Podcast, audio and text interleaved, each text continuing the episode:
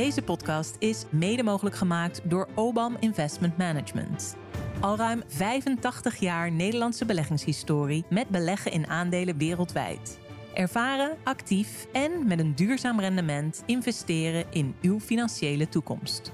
Obam Investment Management, de kunst van het kiezen. Kijk op obam.nl voor meer informatie. Ik geloof in alles wat uh, de kabinetten Rutte allemaal niet doen. Cola Light en Zero is net zo zwaar belast als cola met, uh, met die uh, vol met suikerklontjes. Ja. ja, dat is al eigenlijk heel raar. Dit is Kwestie van Centen. Een podcast van de Financiële Telegraaf met Martin Visser en Robert Ophorst. Goedemorgen. ja, dus geen Robert Ophorst. Ik is hij. Nee, nee. Robert Ophorst. Ik zal een hele diepe stem opzetten. Misschien ja. dat het dan erop lijkt. Nee, Willemijn, Willemijn van Benten. Fijn dat je Robert kan vervangen tijdens uh, vakantie. Ja. Super. Heel leuk om te doen. En fijn dat hij even op vakantie kan gaan. Hij kan het nog buiten het seizoen doen, hè? Ja. Met ja. kleine kindjes. Ja. Wij niet meer. Nee, nee. Het was wel, wat was dat een fijne tijd, zeg. Nou, budget, vooral als we het hebben over uh, centen. Ja. Dan uh, was dat inderdaad een hele fijne tijd. En hij gaat ook nog uh, die gratis kinderopvang krijgen als het goed is. Ook nog, ja. Jeetje. Ja, wij zitten helemaal achter het net. Ja, maar goed, we hebben waarschijnlijk weer andere voordelen. Maar deze week, want daar wou ik even, dat was mij opgevallen. het is de week van het geld ook, hè? Ja. Maxima was er weer bij betrokken. Ja, die heeft verstand van geld. Zeker. Ja. ja. Ik denk ja, dat is wel het voordeel als je er heel veel van hebt, dan, uh, dan ontwikkel je zelf verstand van. Maar goed. Ik denk altijd wat zou ze nou hebben gedaan als ze niet met hem was getrouwd.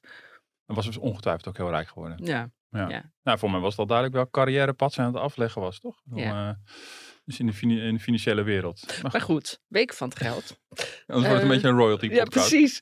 Uh, dat is uh, niet de bedoeling. Ik moet me wel op het geld houden natuurlijk. Maar um, de week van het geld, het thema is bedwingde bling. Ja. En het gaat erom dat heel veel kinderen, nou ik weet niet, je hebt er twee, ja. ik ook.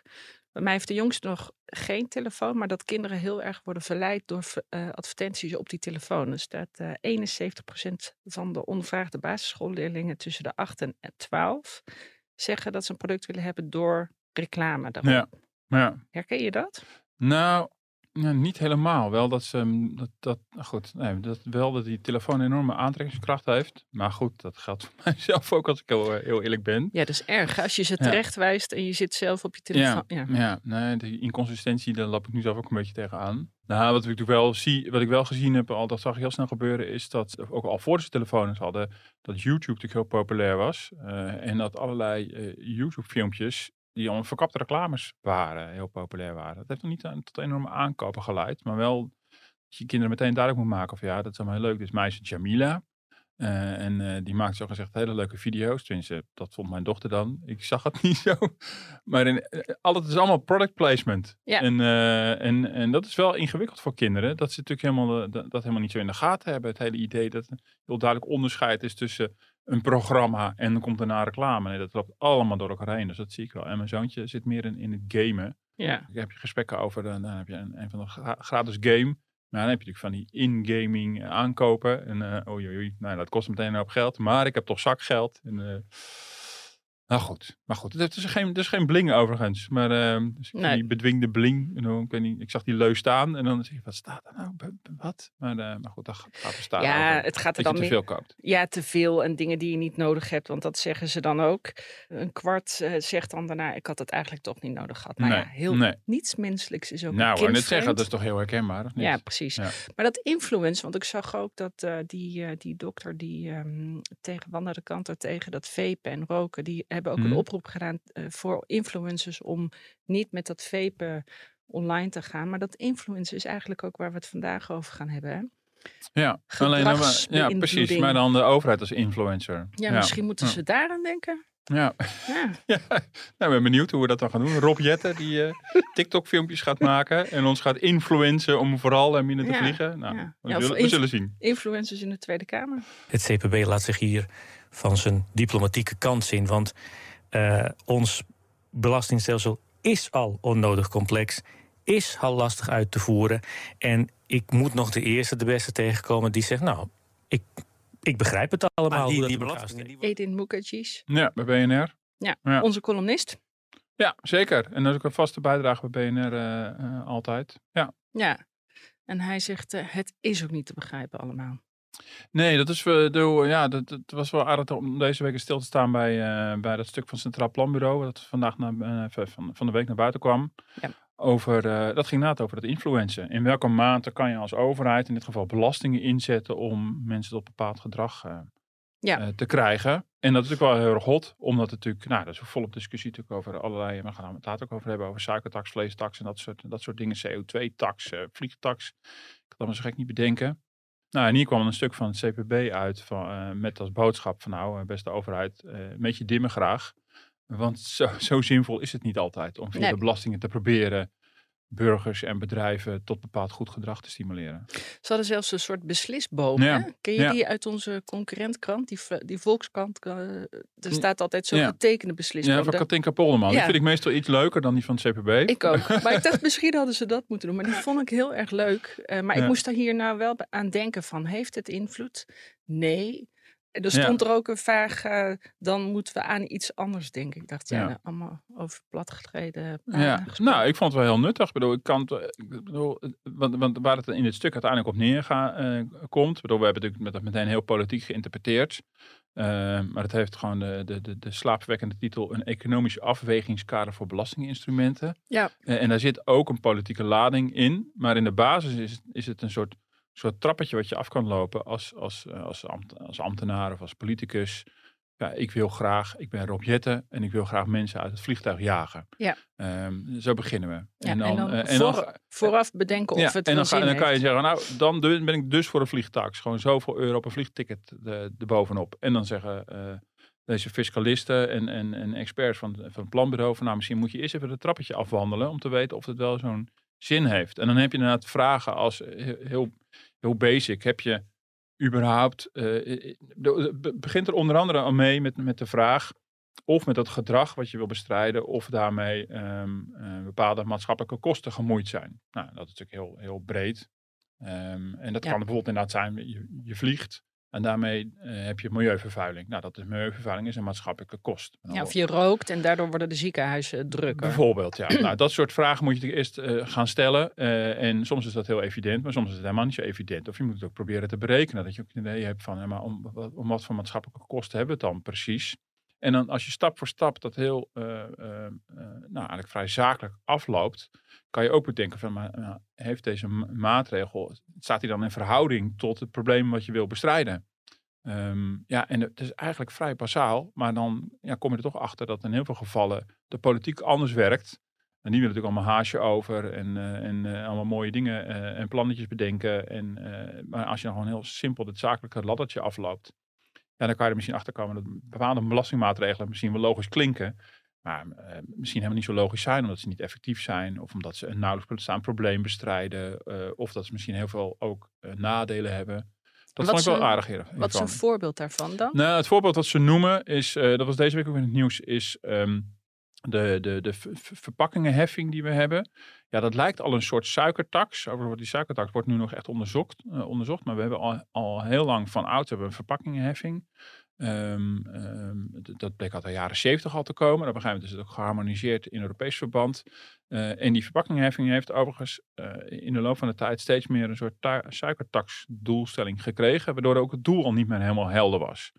Eh, maar er is een accijns op allerlei alcoholdranken. Maar er is ook een, er is ook een soort belasting op eh, al, niet-alcoholhoudende dranken. Ik zeg verpakkingentax, maar dat gaat om frisdranken, mineraalwater. Ja, ja, precies. Maar ook mijn alcoholvrije bier. Dat valt er ook allemaal onder. Havermelk en al die nieuwe Dat- eh, Ja. Dat valt er ook het valt er allemaal onder.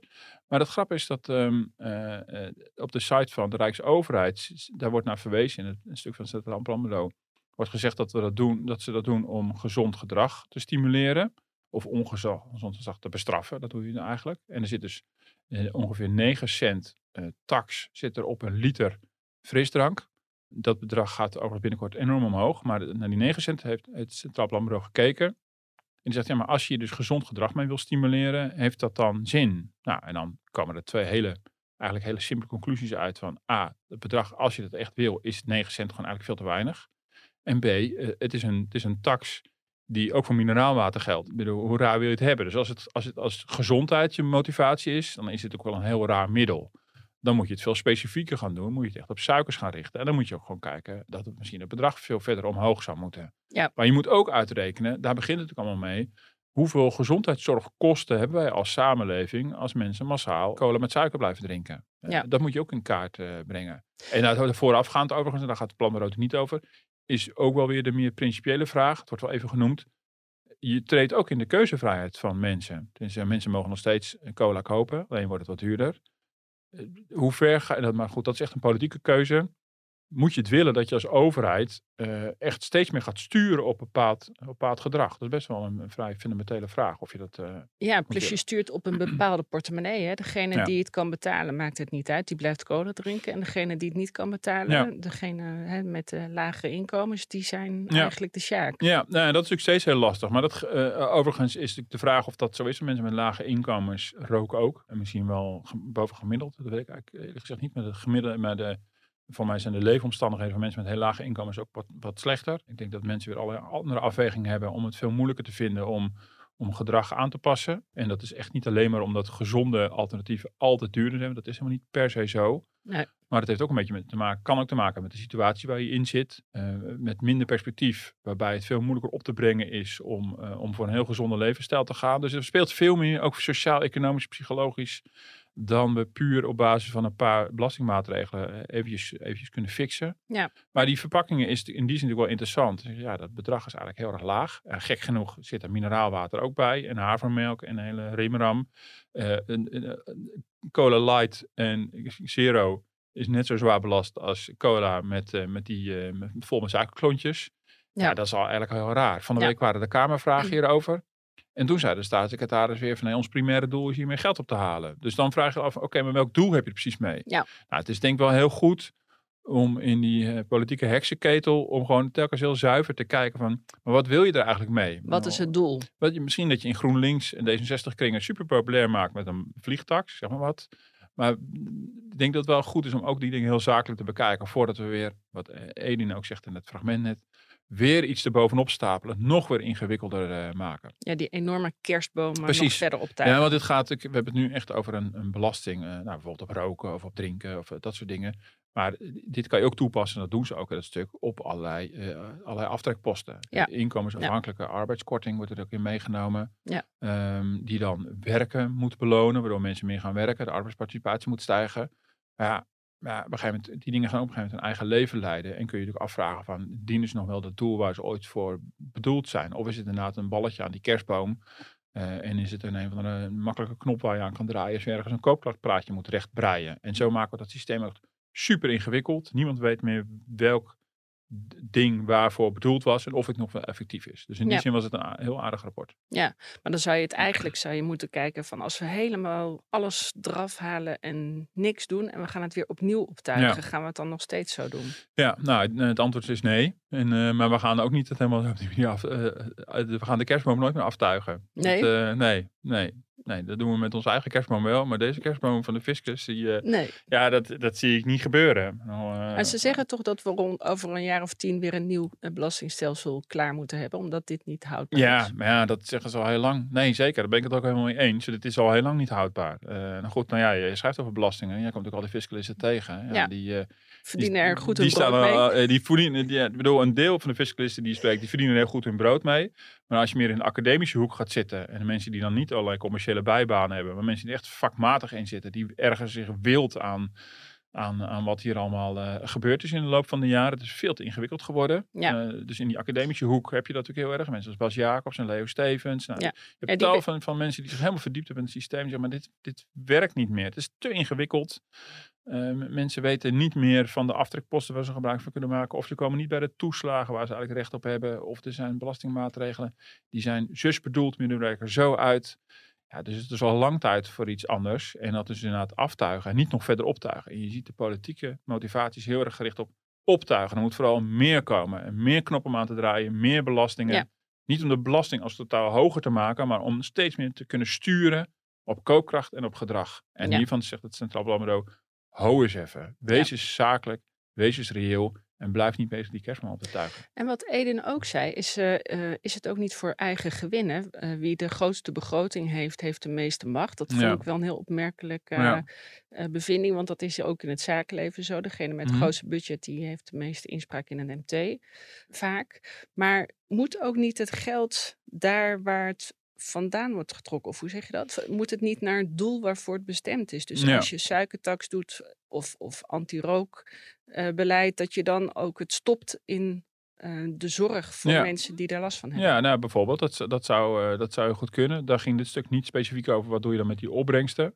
Maar dat gebeurt soms ook wel. Hè? Maar je kan inderdaad ook zeggen, nou je doet een CO2-tax op het bedrijfsleven. En eh, dat geld dat ploeg je dan weer door naar allerlei eh verduurzamingssubsidies. Dus Ja, dan zijn die krijg, stromen er soms ook wel hoor. ja, nee, maar dan krijg je ook wel meer begrip. Ja, ik. nou dat zou je dan dus, dan zou je eh, bijvoorbeeld inderdaad alle, alle accijns op tabak zou je in de gezondheidszorg moeten steken. Ja. Ja, overigens is het de vraag of het daar heel, heel veel overzichtelijker van wordt. Want dan krijg je allemaal van die stroompjes. En de financiering van de gezondheidszorg is al ingewikkeld genoeg. Maar ja, het is, het is niet onlogisch om... om Maar ze hebben geldtekort. Nee, zeker. Nee, zeker. Maar het is niet onlogisch om die verbinding wel te blijven, te blijven zien. Van waar doen we het ook alweer voor? En dat zie je natuurlijk inderdaad heel sterk met zo'n accijns op tabak en accijns op benzine. Ja dat, heeft, eh, ja, dat heeft misschien van oorsprong bepaalde doelen rondom eh, duurzaamheid of gezondheid. Maar in de praktijk is het natuurlijk vaak een melkkoe. Ja, Weet je, dus eh, ja dat maar is, wat eh, ik bedoel, ik, ik mis soms het grotere overzicht. Ja. Alsof ze het plaatje, het, het gaat heel vaak over de verkiezingen natuurlijk, of over eigen macht, misschien zelfs niet eens bewust. Ehm, of je denkt dat je het goede doet, maar het hogere plaatje van waar moeten we naartoe? Ja, nee, dat snap ik wel, ja. Maar dat komt, weet je, stel je die kerstboom weer voor. Ja, Nou, die kerstbomen die hangen je langs een beetje vol met ballen. En op een gegeven moment denk je, nou, nu is die echt heel mooi. Ja. Maar dan moet je je voorstellen, dan ga je nog een poosje door. Dan hangen er nog meer ballen in en nog meer slingers. wordt heel zwaar. En dan nog meer en dan nog meer. En op een gegeven moment is het denk ik, voel je lelijk. En je ziet de boom niet meer. nee, Ik bedoel, ja, misschien trek ik de parallel iets te ver door hoor. Maar eh, Ja. en dat is natuurlijk wel wat er, wat natuurlijk gebeurd is. Dat je gewoon dat niemand meer ziet wat met wat verband houdt. Wat waarom precies is gedaan. Of het nog wel het doel dient waar het voor, voor bedoeld is. En dan mis je inderdaad ook, de, de, het, bredere plaatje is dan natuurlijk ook verdwenen. En dan krijg je een soort van mantra's van, oh ja, als we nou een arbeidskorting draaien, dat doen we, eh, nou, omdat dat is, dat is goed voor, eh, voor, voor de werkgelegenheid. Of dit is Ja. goed daarvoor en dat is goed daarvoor. En niemand vraagt zich dan op een gegeven moment af, maar is het eigenlijk wel zo? Nee. Werkt dat nog op die manier? En dan krijg je rare dingen. Misschien toch wel als illustratie. Er was een stuk uit NRC, eh, ook kamervragen over ehm, mensen die een arbeidsongeschiktheidsuitkering hebben. Bij een redelijk laag inkomen, waarbij die uitkering netto even hoog is als een, iemand in de bijstand. Ja. Een heel specifiek geval. Het blijkt om 10.000 huishoudens te gaan. En die mensen hebben netto exact verdienen ze hetzelfde als mensen in de bijstand. Maar omdat hun bruto inkomen hoger is, hebben ze minder recht op allerlei toeslagen. En zakken ze onder het sociale minimum.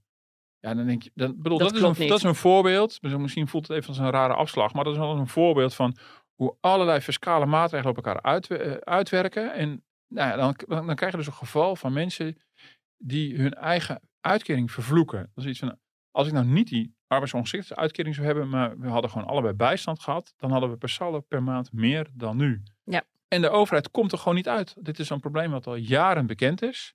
En nu opnieuw, beantwoording van Kamervragen. Nu blijkt die groep niet 5000 eh, huishoudens, maar 10.000. Ja, op de hele bevolking is het klein, maar het, is wel, het illustreert zo mooi hoe iets totaal mis kan gaan. En de overheid ziet dat het gebeurt, maar weet gewoon niet hoe ze het op moeten lossen. En dat is echt ongelooflijk. En er zitten Ja. gewoon men- mensen met een uitkering onder het minimum, omdat ons fiscale stelsel zo werkt. Nou, dat kan toch nooit de bedoeling zijn. Nou, dat is dan die kerstboom waar je de boom niet meer ziet. Dat je denkt van waar deden we het ook allemaal weer voor? Leo Steves, die heb ik eh, deze week geïnterviewd. Dat komt eh, morgen in de krant. En die heeft het ook hier exact over. Ja. Dat het niet klopt. Dat Ja. je twee, eh, twee mensen kunt hebben, twee buren. En de ene is ZZP'er en de andere is in loondienst. En dat degene die ZZP'er is, die krijgt dan bepaalde toeslagen. Niet omdat hij ondernemer is, maar wel weer kortingen krijgt. Ja. Nou ja, het is inderdaad... Ja, nou, en je hebt ook op een gegeven moment. Er zijn natuurlijk ook, ik bedoel, heb je de, de A-rechtssubsidie gehad. Ik bedoel, eh, zo, zo werd die dan genoemd. En op een gegeven moment werd die ook afgebouwd. En de bedoeling was ook om de arbeidsparticipatie van beide partners te stimuleren. In de praktijk is het dan vaak de vrouw die, die, eh, in, in, Thuis in blijft. het- ja, in die thuis blijft in het traditioneel huishouden waarbij de man wel werkt en de vrouw dan niet. En door die, dat fiscale voordeel af te bouwen, werd ook die vrouw gestimuleerd.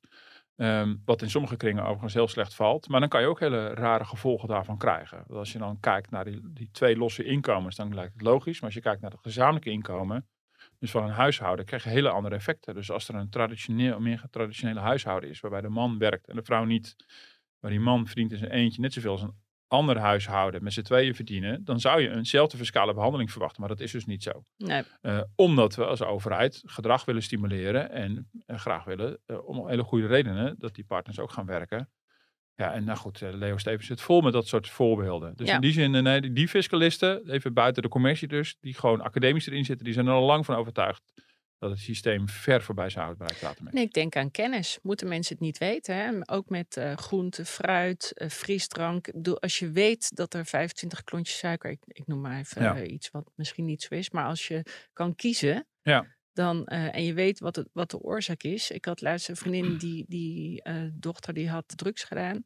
En toen heeft ze met haar een eh, programma gekeken, een documentaire over wat doet het nou? En Oh ja. om haar te stimuleren zelf na te denken. Ja. Want ze zei, ik kan wel zeggen, het mag niet, maar dan doet ze het toch. Nee, maar goed, en dat is inderdaad meer die principiële vraag die er dan vooraf gaat. Moet je als overheid per se dat gedrag stimuleren? En Ja. dan is wel op zich, het begint, die, die, die ladder van het Centraal Planbureau begint wel met of er sprake is van externe kosten, zodat dan, zoals dat dan heet. Bedoel, je kunt ook zeggen dat bepaald ongezond gedrag ook maatschappelijke gevolgen heeft. Dat gaat verder dan jouw keuzevrijheid. Zeker, ja. Dus en die, die voorbeelden zijn natuurlijk legio. Op het gebied van klimaat en milieu is het natuurlijk heel evident. Ja, door, door te gaan vliegen. eh, Belast je eh, alles. Of, of te rijden, of een industrie, of eh, tal van voorbeelden belast je alles. Bij gezondheid wordt het al wat ingewikkelder. Omdat ik cola drink, wordt dan de gezondheidszorg in de toekomst duurder. Die link is op zich nog wel te leggen. Maar met die vraag begint het wel. Eh, en dan kan je als overheid voor kiezen. Nou, dan gaan we ook één stap verder dan een bewustwordingscampagne. Dan is het ook legitiem om te zeggen, ja, maar nu hier zijn kosten mee gemoeid, waar mensen eigenlijk niet voor betalen. En dus gaan we op die manier gaan we dat eh, eh, via belastingen proberen bij te sturen. Wanneer is het groente, wanneer is het fruit? Het is eigenlijk simpel, je bent er zo uit. Fruit smaakt zoet zoals de appel doet, maar ook de paprika, oh, dat is groente. Nou goed, wanneer is het groente, wanneer is het fruit? Het is eigenlijk simpel, je bent er zo uit. Fruit groeit aan een boom, zoals deze peer. En als de avocado, oh, dan klopt het niet weer. Wanneer is het groente, wanneer is het fruit? Het is eigenlijk simpel, je bent er zo uit. Groente moet je koken, fruit eet je rauw. En een komkommer, nou, eh, wanneer is het groente, wanneer is het fruit? Het is eigenlijk simpel, je bent er zo uit. Fruit is de eetbare vrucht van een plant, maar dat kan soms toch nog steeds groente zijn. Want de tomaat en de courgette horen daar ook bij. Terwijl de aardbei officieel weer geen vrucht blijkt te zijn. Wanneer is het groente, wanneer is het fruit? Allebei lekker, maar ik kom er niet uit. Wanneer Ongelooflijk. Ja, dat is een beetje een lang fragment, maar we wilden hem er helemaal in hebben. Ja. Dus, eh, Hij is ja. leuk. ja, Ja. zeker ja. Maar zeg het maar. Wanneer is het goed Ja, en fruit? Ik. Het leek mij heel helder, maar dat is het helemaal niet. Nee, nee, dat is helemaal niet helder. Nee, dat is, dit, is een, dit is een heel mooi voorbeeld van. eh, eh, er is eh, voor mij heel veel maatschappelijk draagvlak voor het verlagen van de BTW naar 0% van groente en fruit. Om een gezond gedrag te stimuleren. Kan ook. Je kan via de belasting, door ergens een belasting van af te halen, ook iets eh, stimuleren. Ja. En eh, nou, deze week werd wel duidelijk van dat gaat er gewoon niet gebeuren. Waar lopen ze tegenaan? Nou, ja, ze lopen dus, eh, nou, de, de, de klassieke voorbeelden zijn inmiddels van ja, een tomaat eh, zou dan 0% zijn, maar wat doe je met de tomatensaus op een pizza? Weet je, en zo zijn er tal van, eh, van voorbeelden waarbij groente of fruit verwerkt wordt in een eindproduct wat niet per se gezond is en wat ook geen groente of fruit meer is. En hoe hou je dat allemaal uit elkaar? En is een, is een potje appelmoes, is dat dan nog, is dat nog fruit of niet? Ja. En ik dacht, het is heel simpel toch? Want als je het verwerkt in iets, dan is het dan, nou, Ja. dan doe je niet. Ja. Maar toen las ik ook weer, ja, maar als je het eh, groente snijdt, is het ook al verwerkt. Gewoon die Oh ja. gesneden groente in een plastic zak. Dus dan mag dat ook weer niet. Dacht ik, oh ja. En Daar overigens, gaan bedoel, jij hebt ook zelf eh, recent nog geschreven over dat hele zweefvliegaffaire. Ja. Ja. Bedoel, dat is vorige week. Dan zie je dus hoe ingewikkeld het kan zijn. Ja, ja sporten, eh, dat ging inderdaad over sporten. eh, daar is de BTW laag of niet, Mhm. hoeven ze dat te betalen om sporten te, te stimuleren. Maar toen bleek dat inderdaad zweefvliegen, die kregen ineens een brief op de, op de mat dat het zittend is en niet echt een lichamelijke activiteit, niet echt aantoonbaar. Dus moesten ze toch de hogere BTW. Ja, maar dat Maar- waren Europese rechtszaken, in ieder geval rechtszaken vanwege Europese regelgeving en Europese jurisprudentie. Ja, omdat de Engelse Bridgebond, een bridge sport, een, eh, dat is net Ja. als de schaaksport, die hadden dat aangevraagd, want die moesten ook ineens betalen. Eh, maar inderdaad, eh, toen hebben ze daar een soort van knip in gezet. Alleen dat kwam ook tot een hilarisch voorbeeld dat een vrouw die had een, eh, een afvalstudio. En dan gingen Mhm. mensen, die gaan daar sporten om af te vallen. Maar sommigen die gaan dan in zo'n soort vacuümcabine met de onderkant van hun lijf. Zodat het sneller gaat. dit gaat om hele zware mensen.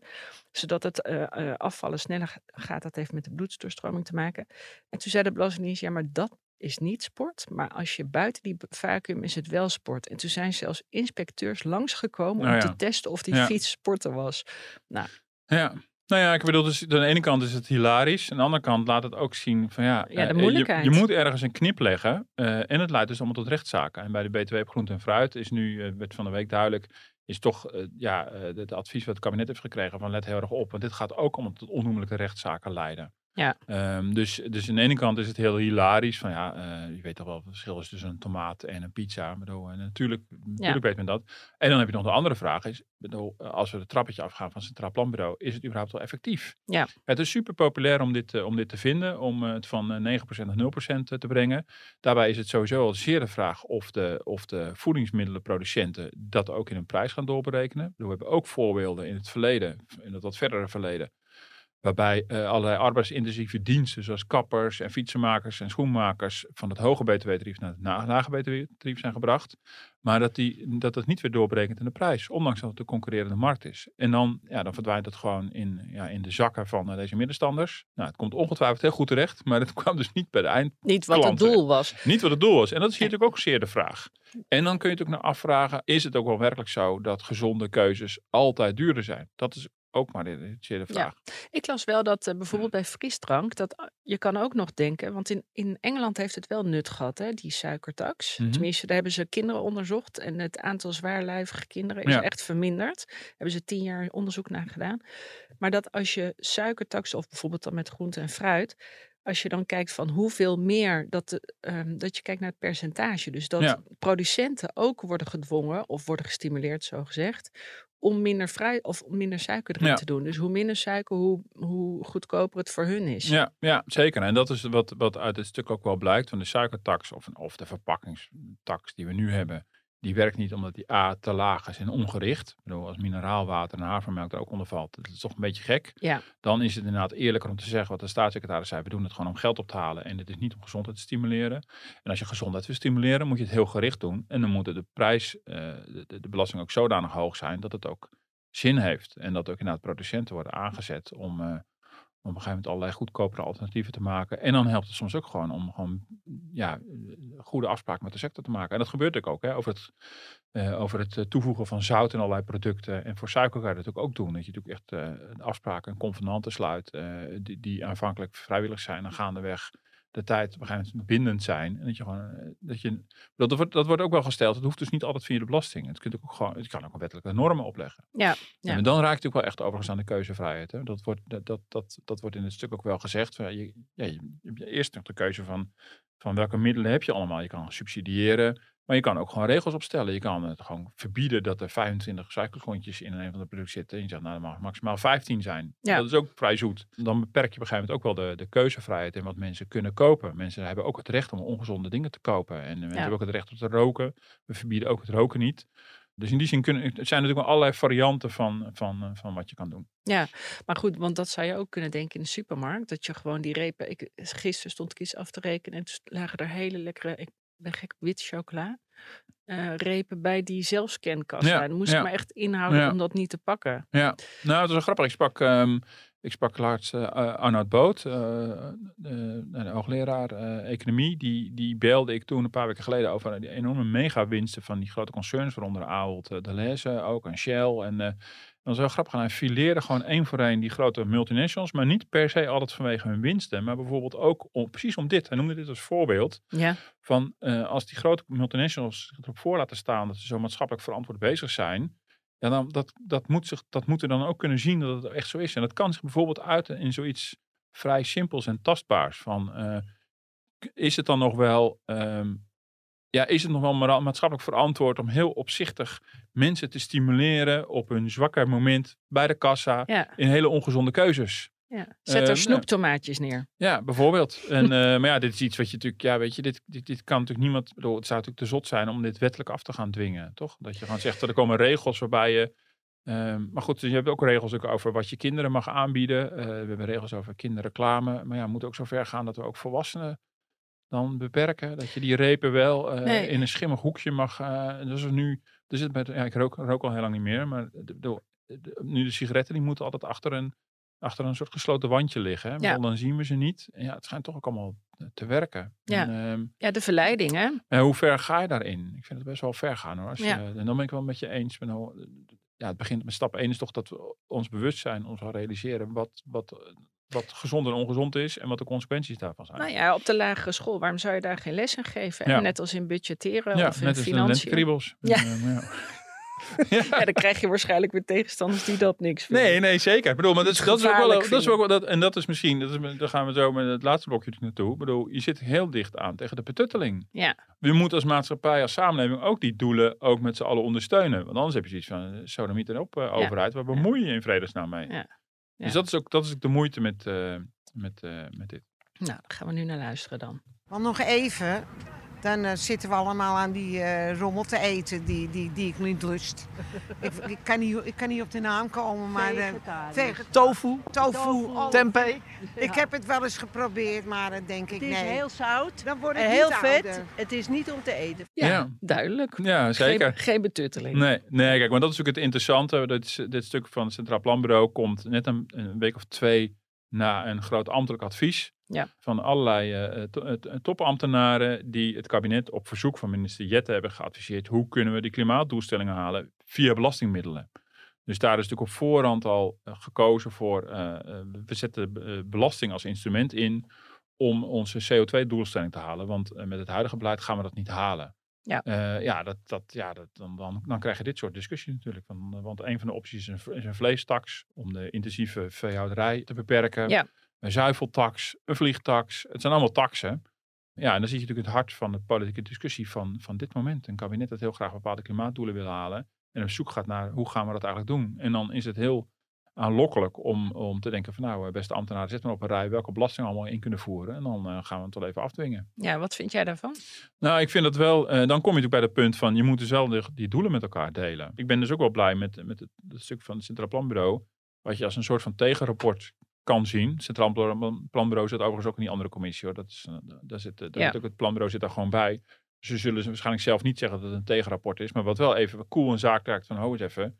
Beste kabinet, je hebt al voorgesorteerd op belastingmaatregelen. Maar misschien zijn er ook allerlei andere middelen. Eh, dus ik begrijp dat heel goed. Ja. Ehm, en ja, En de Eerste Kamerverkiezingen liet natuurlijk ook een eh, Ja. andere uitslag zien dan Hm. wat er nu in de Kamer zit. Denk je dat dat nog lastiger wordt? Nou, dat denk ik wel, ja. ja en eh, de timing van het stuk was ook wel ingewikkeld. Eh, interessant is overigens om op te merken dat het eh, advies over die, al die bel- klimaatbelastingen is gemaakt onder het voorzitterschap van Laura van Geest. Die is nu Ja. de, de, de baas bij de Autoriteit Financiële Markten, maar is voormalig directeur van het Centraal Planbureau. Ah. Dus dat, dat is ook wel weer, eh, ook wel weer op, op, opvallend. Ja, en, en zij heeft ook echt de, de vraag gekregen van minister Jette van zet alle belastingmaatregelen op een rij. Ja, wat krijg je dan? Dan krijg je alle belastingmaatregelen op een rij. Ja, en dat zijn er heel veel. En dat zijn er heel veel. Dus dat is, daar heeft de minister natuurlijk ook wel een bepaalde eh, insteek gekozen. Ehm, en de vraag is inderdaad van, is dat houdbaar in, de- in de politieke situatie waarin we, nu, waarin we nu zitten? Overigens vind ik dat best wel ingewikkeld. En ik zie natuurlijk de, de enorme winst van de PBB, zie ik wel. Mm, Dus ik zie ook wel dat daar onvrede over het huidige beleid in zit. Maar het is best wel ingewikkeld om op basis van 17 zetels voor BBB in de Eerste Kamer af te meten wat het volk nu ineens wil. Ja, dat is ook Dat, zo. ik bedoel, voor mij nog maar zien. is, er- is er ook een groot draagvlak voor het halen van milieudoelstellingen. Maar dat is wel de vraag, op welke manier doen we dat dan? En wat ik wel, ik ga niet helemaal mee met de mensen die me net hoorden. Want ik probeer ook wat, wat, wat minder vlees te eten, wat vaker vegetarisch en ook wat, eh, ook wat vis. Ik ben niet echt, niet- ik ben niet een vegetariër, ik eet ook wel vis. Eh, Flexitariër.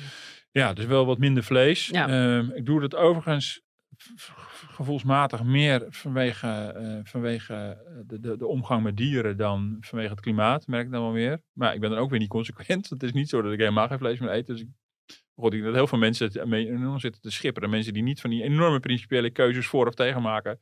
Mij Nou ja. dat er heel veel, die zitten een beetje in het midden. Van we proberen het zo goed mogelijk een beetje te doen. Maar dat is eigenlijk toch ook wel een kant. Ik bedoel, ik ben op een Ja. gegeven moment wel minder gaan eten. Ja. Ik hoef niet niks te eten, maar Nee. het is en gezonder om minder. En ik, Precies. ik las op een gegeven moment ook in India eten ze 50 gram per maand. Ik noem even wat, ik weet niet of dat echt zo was.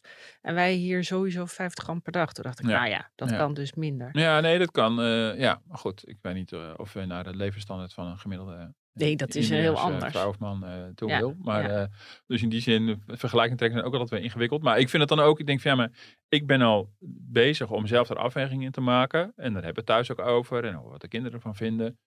En dan moet ik wel zeggen, dan vind ik het. Dan, dan ga ik niet mee met deze mensen. Die zeggen, oh, dat is vieze tempeh, je wat dat is allemaal uitgeprobeerd. Tofu. Ja, dat vind ik ook allemaal niet lekker. Ja. lak. Ja. Maar om dan te zeggen, nou, dan gaat de overheid gewoon hartstikke daar een vleestaks eroverheen gooien. Denk ik, maar dan verwacht ik eerst van de overheid van, wat willen we dan eigenlijk in Ja. Nederland? Wat willen we nou met die landbouw? Wat vinden we er nou van dat wij de tweede landbouwexporteur ter wereld zijn?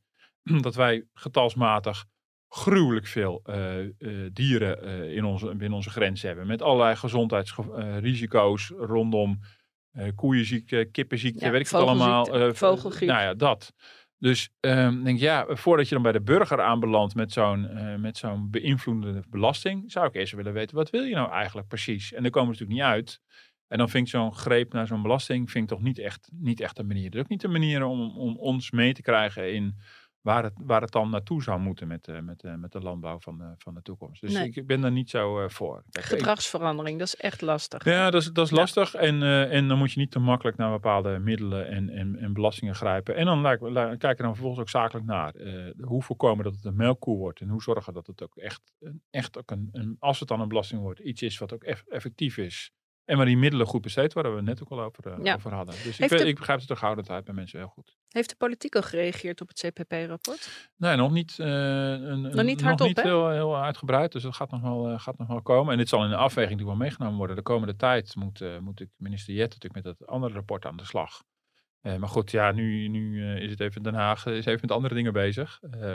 Dus meer bezig met, staat meer in een overlevingsstand. Ja, Jette Eh, heeft geen begroting, toch? Is minister van of voor? De, Eh, economische zaken. Ja. Ja. ja. ik weet eigenlijk niet zo goed. Ja, economische ook- zaken en klimaat. Voor mij heeft hij, als, hij heeft, een, hij heeft niet zo'n grote begroting. Maar hij gaat wel weer. eh, we hebben natuurlijk ook wel al die, die klimaatfondsen. En de stikstoffonds natuurlijk weer niet van hem. Maar het grote klimaatfonds wel. Dus ik denk dat hij voldoende middelen tot beschikking heeft. Mm. Maar dit, het fiscaliteit kom je toch bij de, bij de staatssecretaris. Heb jij nog een tip voor- uit. Eh, Jij bent, ben, jij bent, eh, ben je chef geweest of manager al ooit? Ja, coördinator. Ja, dat Ja. hinkt, was een beetje zo in between. Ik bedoel, Mm. eh, ja, Ja, want ik ben wel eens manager Ja. geweest. En dan Ja. is het, dat is het lastigste aan het hele vak. Hoe krijg je mensen mee? Want heb jij daar nog ja. een tip voor? Ehm, Of waar, Nou, ge- waar geloof jij in? Ja, ik geloof in alles wat eh, de kabinetten Rutte allemaal niet doen. Ehm, ja, dat is toch gewoon authentiek en bevlogen een verhaal vertellen van hoe jij denkt dat het moet gaan worden. Ja. Maar dat is het hele, dat is, ja, dat is toch dat De afgelopen idee van, tafel. ja, van een visie. Maar dat is afgeschaft eh, een jaar of eh 10, 12 geleden op een manier. En Ja. ik vind dat dat heel overtuigend eh, kan zijn. Of dat het gewoon, ja, dus daar, voor mij begint het daarmee. De stip op de horizon. Ja, en dat hoeft allemaal niet meteen heel, heel vaag en groot zo meeslepend en hoog over. Dat kan ook heel, heel klein. En gek genoeg heb je iemand als Caroline van der Plas, heeft niet echt een stip op de horizon. Maar daarvan heb je wel het gevoel van, ik weet niet op alle onderwerpen wat ze ervan vindt. Maar om te beginnen is het in ieder geval authentiek. En eh, dus dat helpt al enorm. Dat je denkt, oké, nou, eh, dat, dat, dat, kan ik wel. Dat kan is ik, geloofwaardig. ik vind het geloofwaardig, daar kan ik iets mee. Ik denk overigens met Rob Jetten heb ik dat ook wel. Bedoel, eh, het hoeft dan niet helemaal jouw kleur te zijn of helemaal je eigen.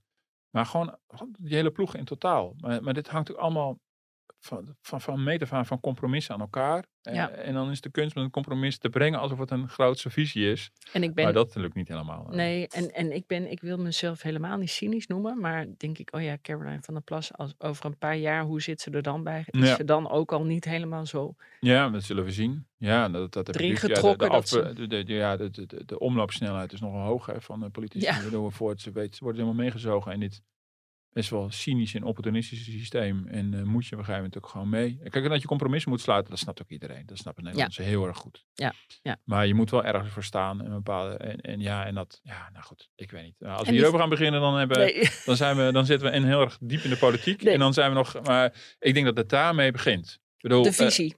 Met, met toch de gedachte, en, dat, en dan, dat gaat al bijna niet meer. Ik bedoel, Rutte die zo laat bekeerd is tot, de- tot de hele klimaatpolitiek. en alleen omdat D66 dat min of meer Dat is afgedwongen niet heeft. geloofwaardig. Ik vind het heel weinig geloofwaardig. En dan is het heel moeilijk om een samenleving mee te krijgen. En als je het Ja. dan communicatief ook allemaal zo onbeholpen doet, dus met de stikstof, dan zie je, dan loopt het helemaal muurvast. Dan loopt het totaal vast. En dan wordt het ingewikkeld. En als je in die situatie denkt van, oh ja, maar we weten wel wat. We gaan allemaal belastingen invoeren.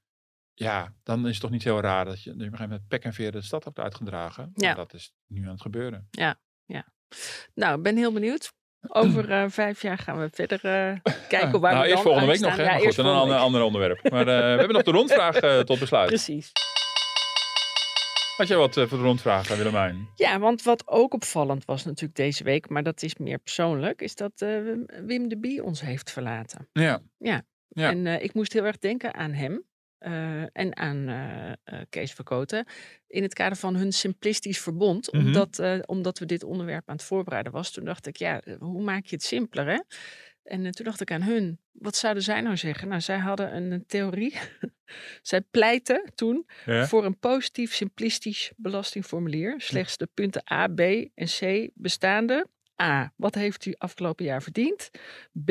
Wat heeft u daar nog van over? C. Gireer dit. Oh ja. Nou, super simpel. Oh ja, dat is heel simpel, ja. Nou, Maar je moet dus gewoon alles inleveren. Maar was het vanuit een typetje gedaan of was het... eh, nee, dit was, eh, dit was hun... eh, verbond. Ja, Ja, precies. ja, Ja, ja. Maar eh, hoe vond jij dat? Mij raakt het wel dat hij was... Of raakt het, vind ik ook zo'n eh, modeterm tegenwoordig. Maar hij is wel vanuit mijn opvoeding een soort... Ja, hij heeft, hij heeft eh, onderdeel uitgemaakt van mijn opvoeding. Ja, nee, bij mij ook wel, ja. ja ik kom eh, niet bepaald uit een links VPRO-nest. Nee. ik kom uit een... eh, meer uit de hoek van eh, GPV, zeg maar. Gereformeerd, dus eh, klein, klein rechts. En op zondag te- geen tv kijken en al helemaal geen VPRO. En toch richting einde middelbare schooltijd wist ik mijn ouders zover te krijgen dat de zondagavond toch de tv aanging. En dat we dit keken. En, Keek op de week. Je keek op de week. En mijn ouders durfden niet toe te geven dat ze het stiekem toch heel erg grappig vonden. Maar nee, daar werd op de middelbare school over, heel veel over gekletst. Heb je dat gezien? En, eh, Ja, ja, dat was ook een beetje nog de magie van lineaire tv. Hè? Dat we met, met, met z'n allen natuurlijk eh, echt iets eh, meegemaakt hadden. Dat is natuurlijk, nu- en het was ook live. Dat was ook het was live, maar ook hoe ze de typetjes neerzetten. Dat ze alles te grazen namen. Dat ze dit soort rapporten of dit soort Ja. politici meenamen. Dat ze dat... Ja. Dat vond ik wel echt heel mooi. Ja, Dat- dat nee, mis zeker. Ja, nee, de afgelopen weken hebben we natuurlijk heel veel voorbij zien komen. Het is allemaal heel, heel herkenbaar. Maar ik ben dus rondom Keek op de Week ben ik ook aangehaakt. Ja. In, in, eh, mijn eh, niet-VPRO-milieu-achtergrond. En, eh, Ja, Ja, geweldig. Ik had zelf nog eh, iets, eh, eh, ook iets van persoonlijke aard. Ik, heb, eh, ik maak af en toe eh, persoonlijke interviews voor de krant. En, Ja. eh, binnenkort verschijnt een interview met Stef Bos. Oh. En eh daar ben ik, van de week, ben ik van de week geweest. Dus de zanger, dat was, ja goed, is een, eh, iets heel anders dan belastingen. En, ehm, en waarom ik- kom je er nu op dan? ja, nou, eh, omdat ik dacht van, nou, ik vind het wel even leuk om iets te delen. Zo, eh, zo, eh, van, van wat is nou deze week opgevallen buiten eh, mijn eigen portefeuille en dingen. En dat was, eh, het was een hele leuke, was de, was de dinsdagmiddag. En ik heb er gewoon over een hele middag gezeten. Hij woont ergens in, de, aan de, aan, eh, in Vlaanderen, in een heel klein gehucht.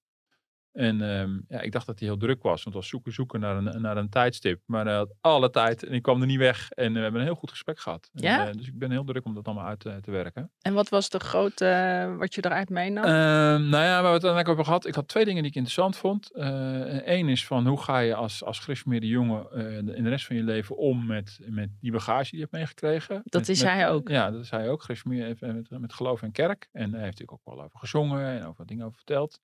Uiteindelijk heb ik dat pad niet bewandeld. Maar ik vond het ook een andere interesse voor mij is van hoe verhoud je je tot je eigen ouders en, eh, en wat zegt het weer over hoe je je verhoudt tot je kinderen. Eh, Ja. Nou, dat werd een heel mooi gesprek. Zijn beide ouders leven niet meer. Zijn eh, vader, waar die papa over schreef en zong destijds, nou, dat was echt zo'n grote hit. Heeft nog heel lang geleefd, maar zijn moeder is veel eerder overleden. En ik heb het vooral over zijn moeder gehad. Ik denk, ja, dat vond ik wel leuk. De man die beroemd is geworden met het liedje Papa. Ja, Hoe zat het eigenlijk met je moeder? ja. Dus dat werd een heel mooi gesprek. Oh, wat Eh, mooi. Via die ouders over zijn kinderen. Dus eh, nou, dat komt volgende week zaterdag. De zaterdag erop in de krant. Nou, heel benieuwd. Ja. Leuk. Nou, je hebt het gered, eh, Willemijn. Ja. Ja? Dat is, Dankjewel. Geen, geen goed toch? Vond je Ja, leuk? ja. Nee, we, we mogen nog twee keer. Dus Ik vind het zeker leuk. Deze ging dan inderdaad over belastingstelsel, waar ik Ja. Vaak over schrijf. Dus even kijken waar we volgende week. eh, nou, volgende week gaan we iets pakken waar je echt helemaal niets van af weet. Dat lijkt me eens eh, fijn. We kijken wat er dan gebeurt. Verfrissend. Ja, ja. Ik ben... is goed, hoeft niet zo wijsneuzerig te doen. Hè? Komt goed. Oké. Bedankt voor het luisteren. En, En eh, tot volgende week. tot volgende week. Jij ook bedankt.